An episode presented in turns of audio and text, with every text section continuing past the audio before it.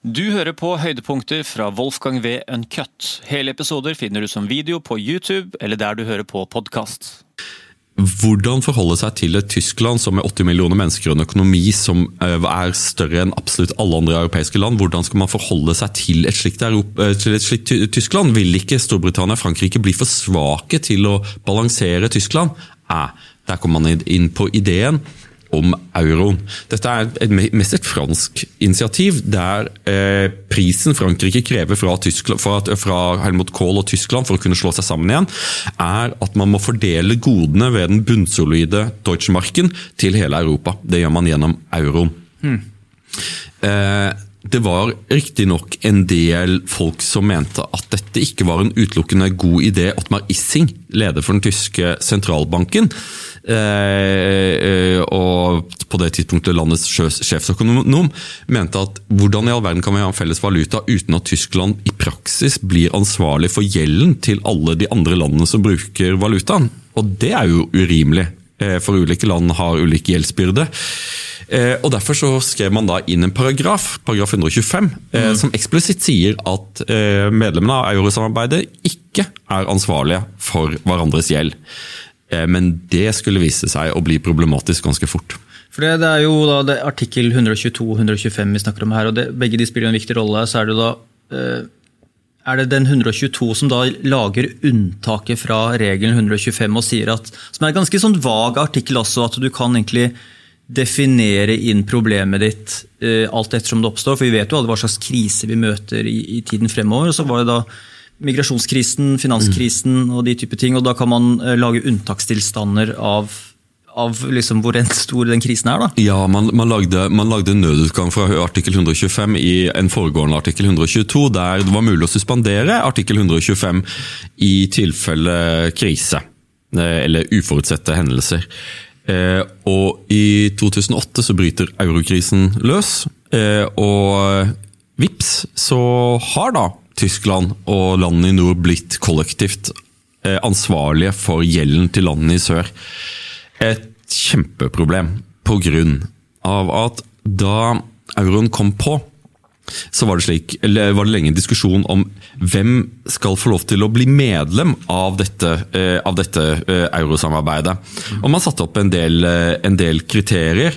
Land, landene kunne bare ha en viss gjeldsgrad. Jeg husker ikke farten om det var en tredjedel eller noe sånt av av, av bruttonasjonalinntekt.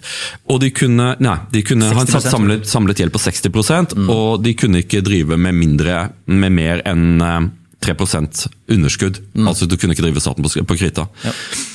Eh, alle visste at Hellas hadde jukset på kriteriene. Det sto på førstesiden av The Financial Times før de ble medlem av euroen. Alle visste at de hadde brukt Goldman Sachs til å jukse. Mm. For å fremstå, til å, til å, manipulere regnskapene slik at de kom eh, under disse kravene. Eh, men da de først var blitt medlem, eh, så opplevde da spesielt Hellas, men også Italia, Portugal og Spania, at de kunne nå låne penger til samme lave rente som den bunnsolide tyske økonomien. Og låne gjorde de.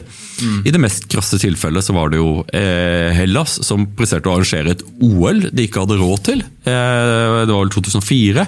De presterte å nesten ikke samle inn skatt i det hele tatt. De sluttet nesten å samle inn skatt.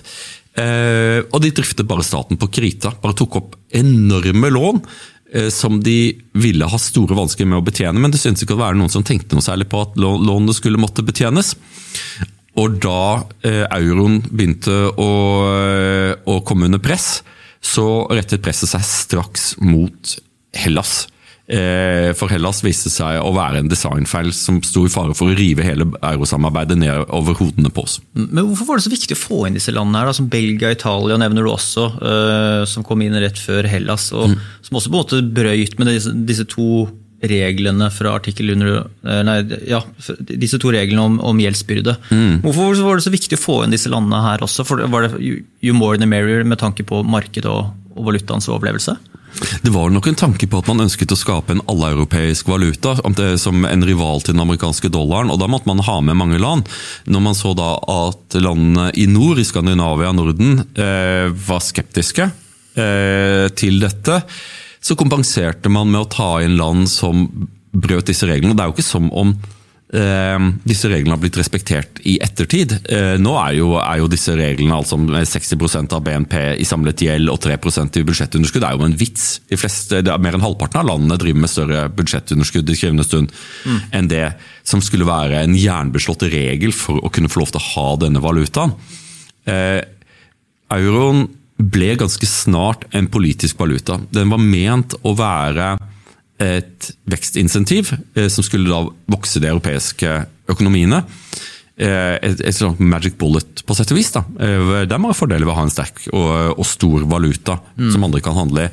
Problemet her var at for, for, for Europa så var det så radikalt forskjellige økonomiske underliggende faktorer som, som, i de ulike landene. Altså, Når du da, Vanligvis er det jo slik at en valutas styrke er relativt til hva et land produserer, og hvordan, eh, hvordan økonomien røktes.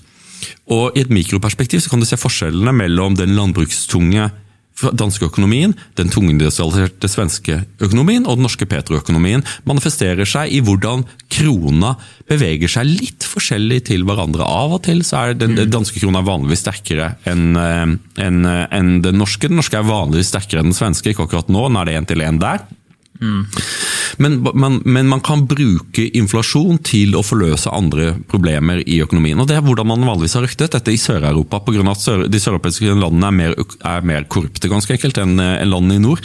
Eh, og på, på, sett og vis er inflasjon er en sånn er en, er en, rettferdig form for beskatning, fordi alle, penger, alle penger blir mindre verdt. Mm. Eh, så det er rimelig på en eller annen måte. Og Hvis du da har en økonomi der du selger olivenolje og fetaost, Eh, som jo ikke er noe knapt marked, så er det viktig at det ikke blir for dyrt. Men det ifølge eh, jeg går ut fra den personen vi skal snart inn på, Tilo Sarasin, han mener jo at man skapte en valuta som var ment å passe alle, men som ikke passet noen. Den ble for billig for Tyskland, som begynte å pøse opp enorme handelsoverskudd. Så Tyskland bare fylte pengebingen pga. at Mercedesene, BMW-ene og Bayer-produktene ble litt billigere enn det de hadde vært hvis de hadde hatt Deutschmarken. Samtidig som at landene i sør slet i globale markeder pga. at deres eksport, som ofte var, eh, var, mindre teknologisk, ble for dyrt. Mm. Eh, og dette har ifølge da Tilo Sarrazin, som skrev boken 'Europa trenger ikke euroen' i 2012, eh, han mener at, eh, at, euroen har vært en ulykke for europeisk eh, økonomier, og finner noe av grunnen til det vi har diskutert i tidligere podkaster.